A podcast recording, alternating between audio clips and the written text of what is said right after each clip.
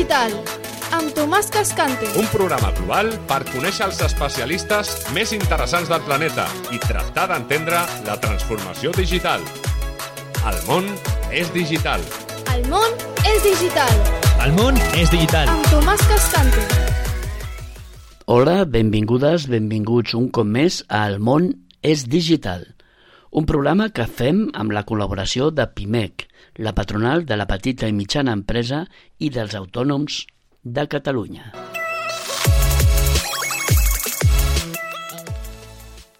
Avui, tenint en compte que aquesta setmana és Nadal, em permetré la llicència de començar el programa amb Imagine de John Lennon, una cançó eh, definitivament que que es pot encabir dintre del Nadal perquè és un desig de pau, d'amor i de justícia.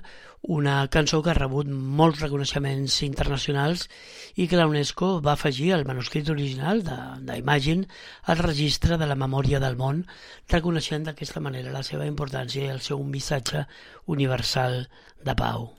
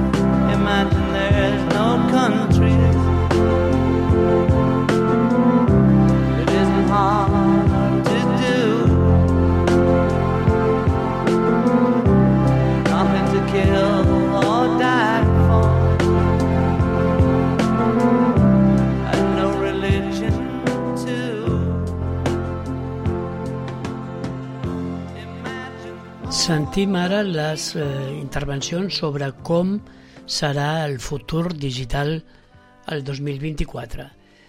Eh, li preguntem en primer lloc a en Carles Grau, fundador i CEO de Grau Innovation Consulting. I com veig el panorama digital i en general aquí a Catalunya per al 2024? Veig un 2024 amb optimisme i amb creixement en la demanda de productes i serveis tecnològics.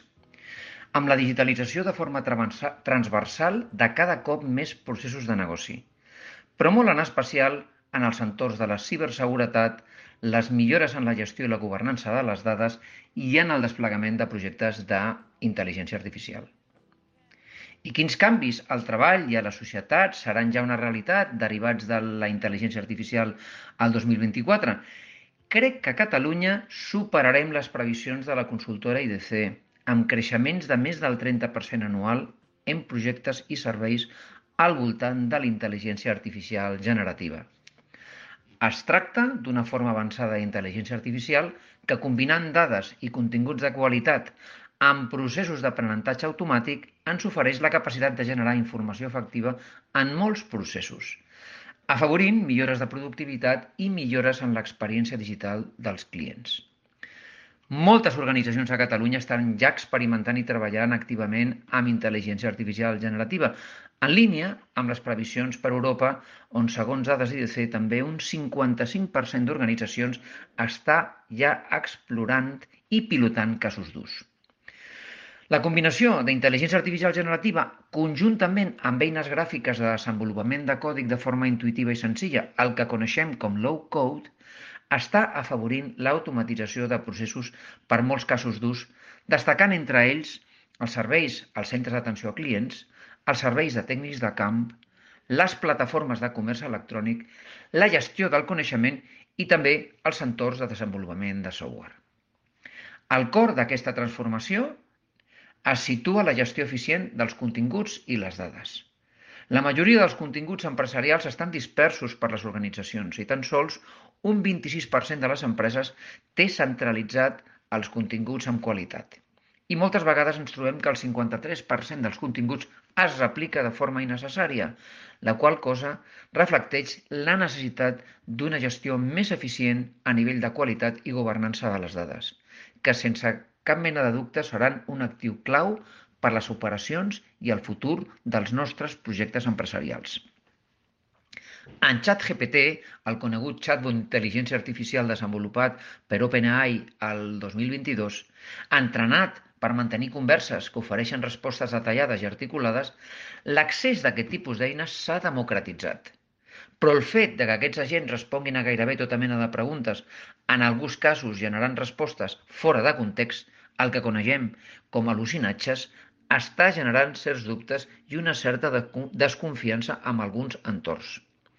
Després del momentum inicial generat per ChatGPT, veiem plataformes d'intel·ligència artificial generativa que estan posant focus en l'ètica per disseny i en la generació de confiança amb models com Einstein i Copilot de Salesforce, afavorint un entorn amb els quals s'eviten respostes esbiaixades, discriminatòries o amb resultats no desitjats.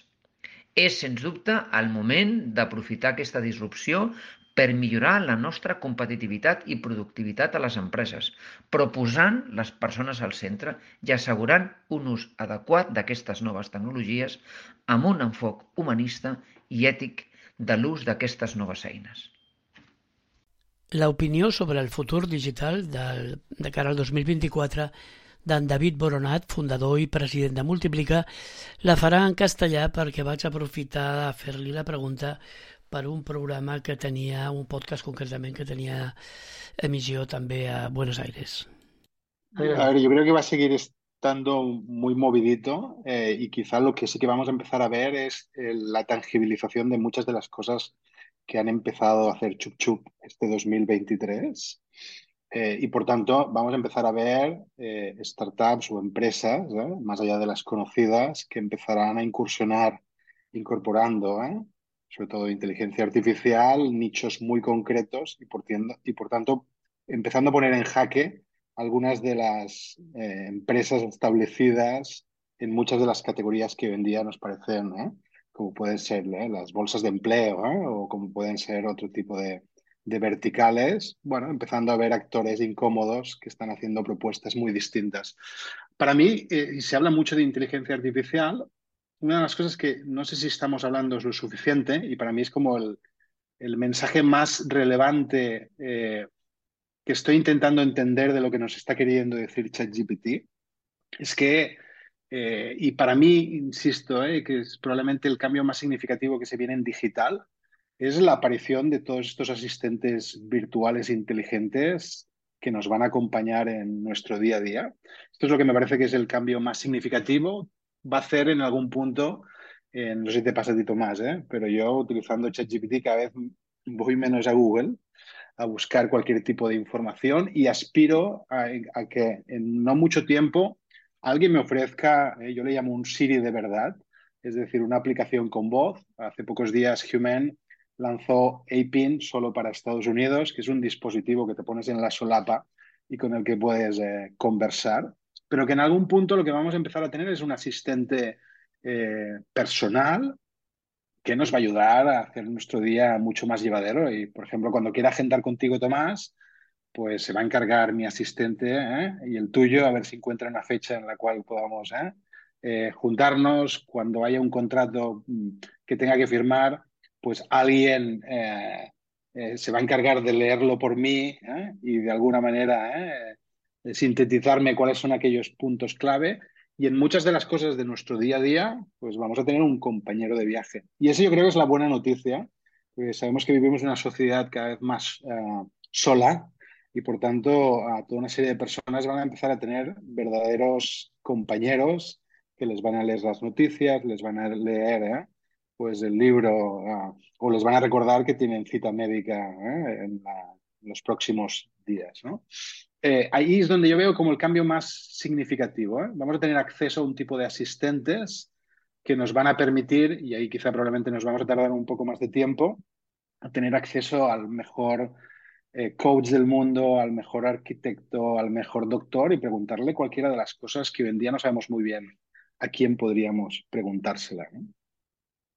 Bien, pues eh, oye, eh, me encanta tu, tu positivismo, tu, tu positividad, llámalo como quieras. Hay gente que, que ve eh, lo mismo que has explicado tú de una forma muy catastrófica. Yo coincido contigo y espero que, sea una realidad dentro de poco. Y bueno, no, pues nada, gracias por haber estado aquí. No, continúa, continúa.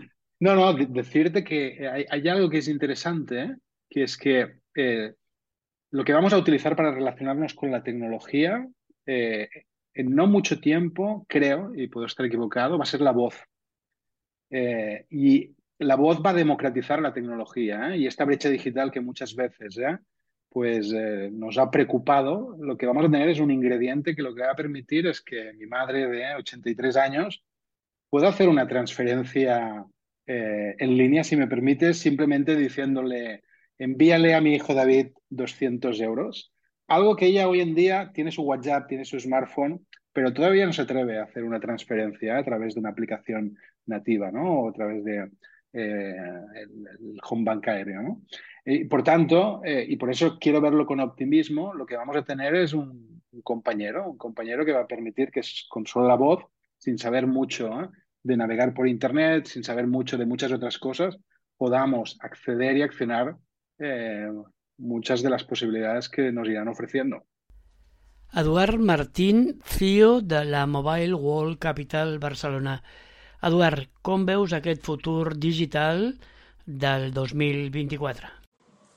Soc l'Eduard Martín, CEO de la Fundació Mobile World Capital Barcelona i realment el 2024 es presenta com un any apassionant en tots els sentits en el món digital i en especial en la continuació del desenvolupament de la digitalització i de la indústria TIC.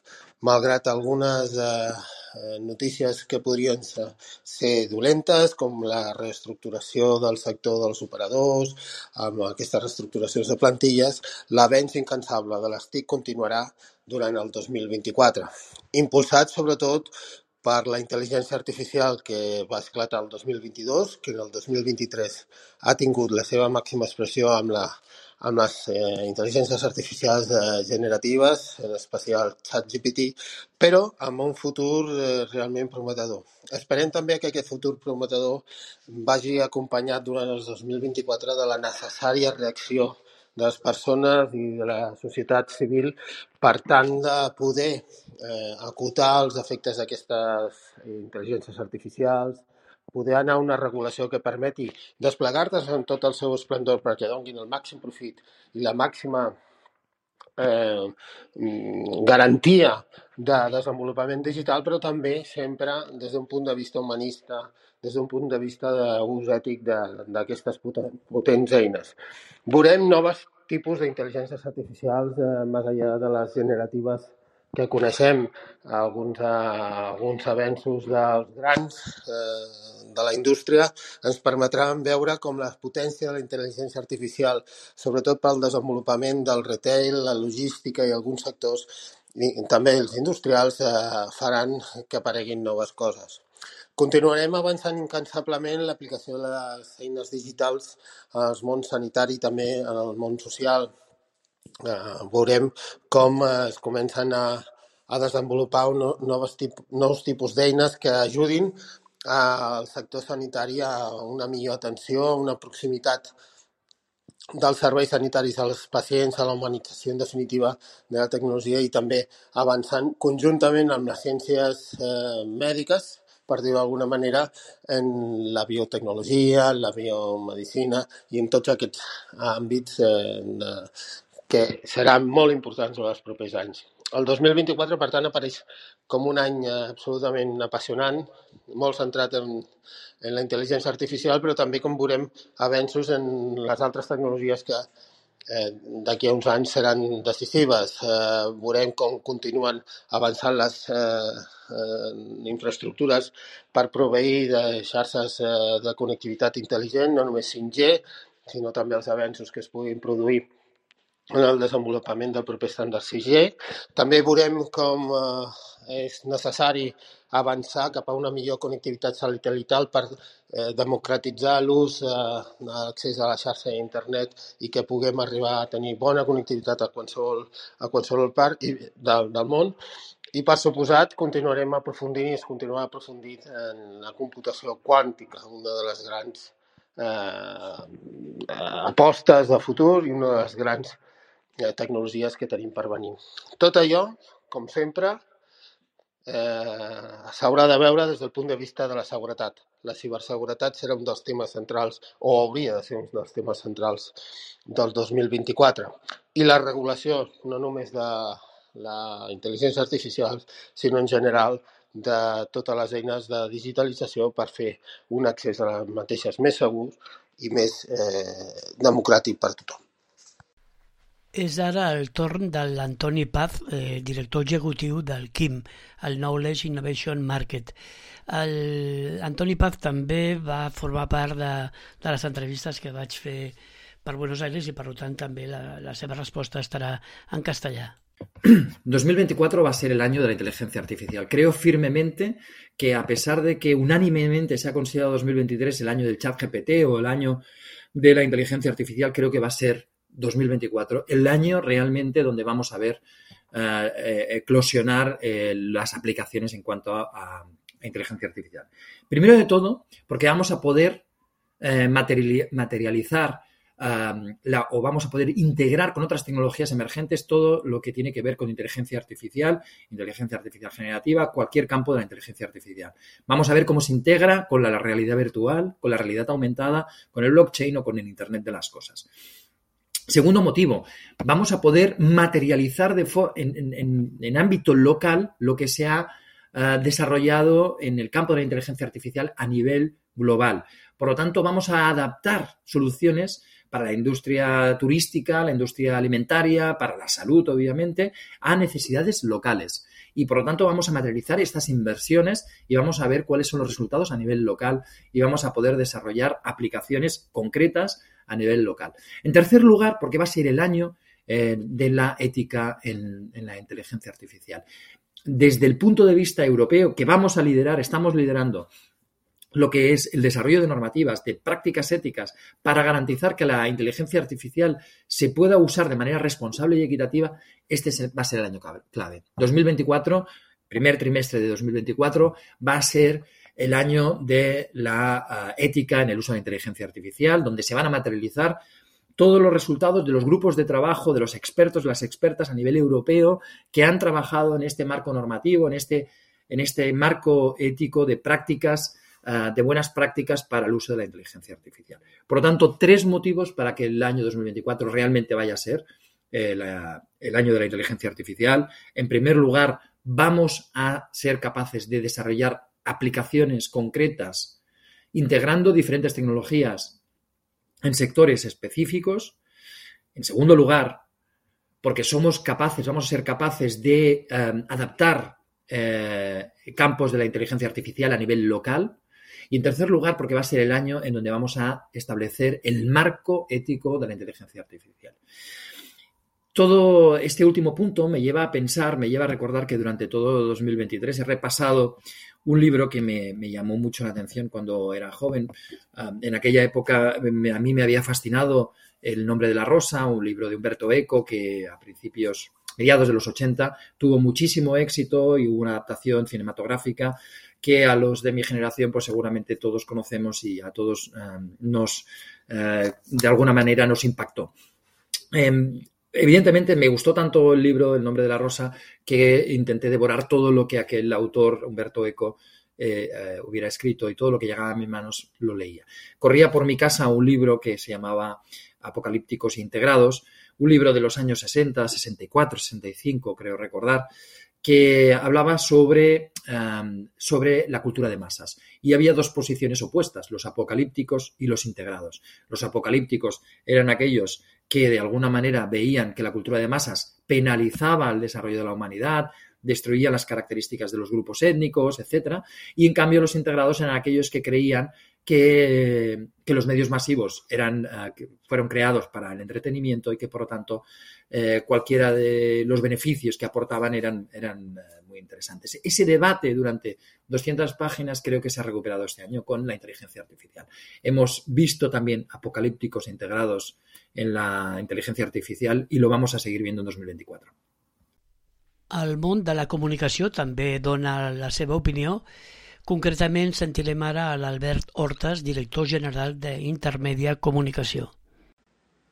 Jo crec que davant la pregunta que ens fa el Tomàs Cascante sobre el panorama digital i la erupció de la intel·ligència artificial, eh, potser en tres paraules, engrescador, molt potent i que tot va molt ràpid. No? I per tant, doncs, el valor afegit de l'home serà molt, molt, molt important. Sectors estratègics com la indústria 0, la 4.0, eh, la salut, la logística, la mobilitat, eh, el món de la comunicació, eh, amb la digitalització dels mitjans i les xarxes agafen un paper fonamental, no?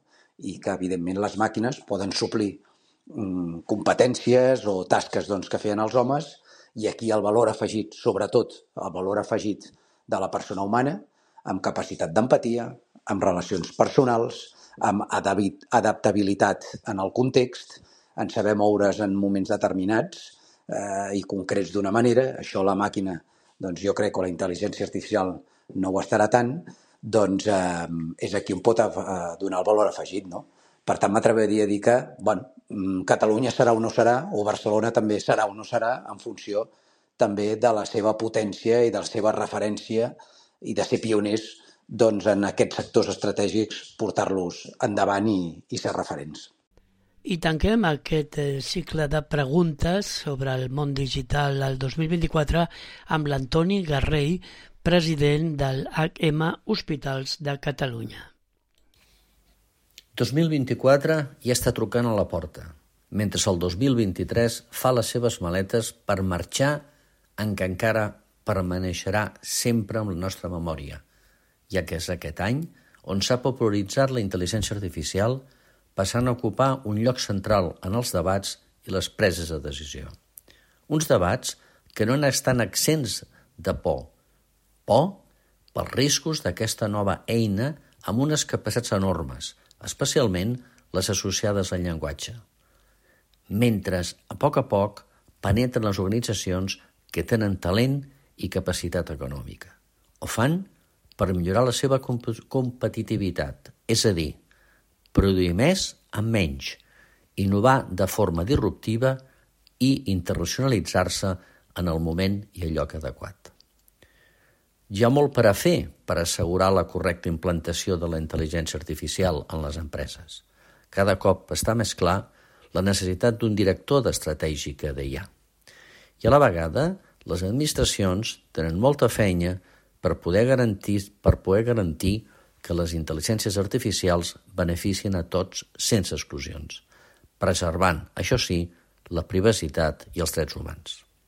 Sens dubte, el 2024 serà un any ple de desafiaments i en ell la intel·ligència artificial seguirà incrementant la seva presència, ja que ajudarà de forma significativa, entre altres, els professionals en les seves tasques, els facultatius en la detecció temprana, aviat, de les enfermetats, en millorar el diagnòstic i el tractament, també en la gestió de la informació, en els processos d'R+D+I, a la seguretat, enfront als atacs cibernètics, o també ajudant a les persones en risc o evitant la seva suplantació. Sense oblidar que ajudaran a optimitzar els processos productius i un llarg etc. Aplicacions noves que seguiran sorprenent-nos mentre ens seguirem preguntant com podem garantir que benefici a tota la humanitat sense exclusions. Però del que estic segur, el que hem d'estar segurs, és que assumint els desafiaments ètics i socials, el potencial que tenen les intel·ligències artificials per, imposar, per impulsar la innovació, millorar la productivitat i l'eficiència, amb tots aquells desafiaments complexes, obliga a no prescindir de les mateixes i a seguir invertint en elles. Que tingueu tots, que tinguem tots un bon any 2024. Imagine there's no heaven See if you try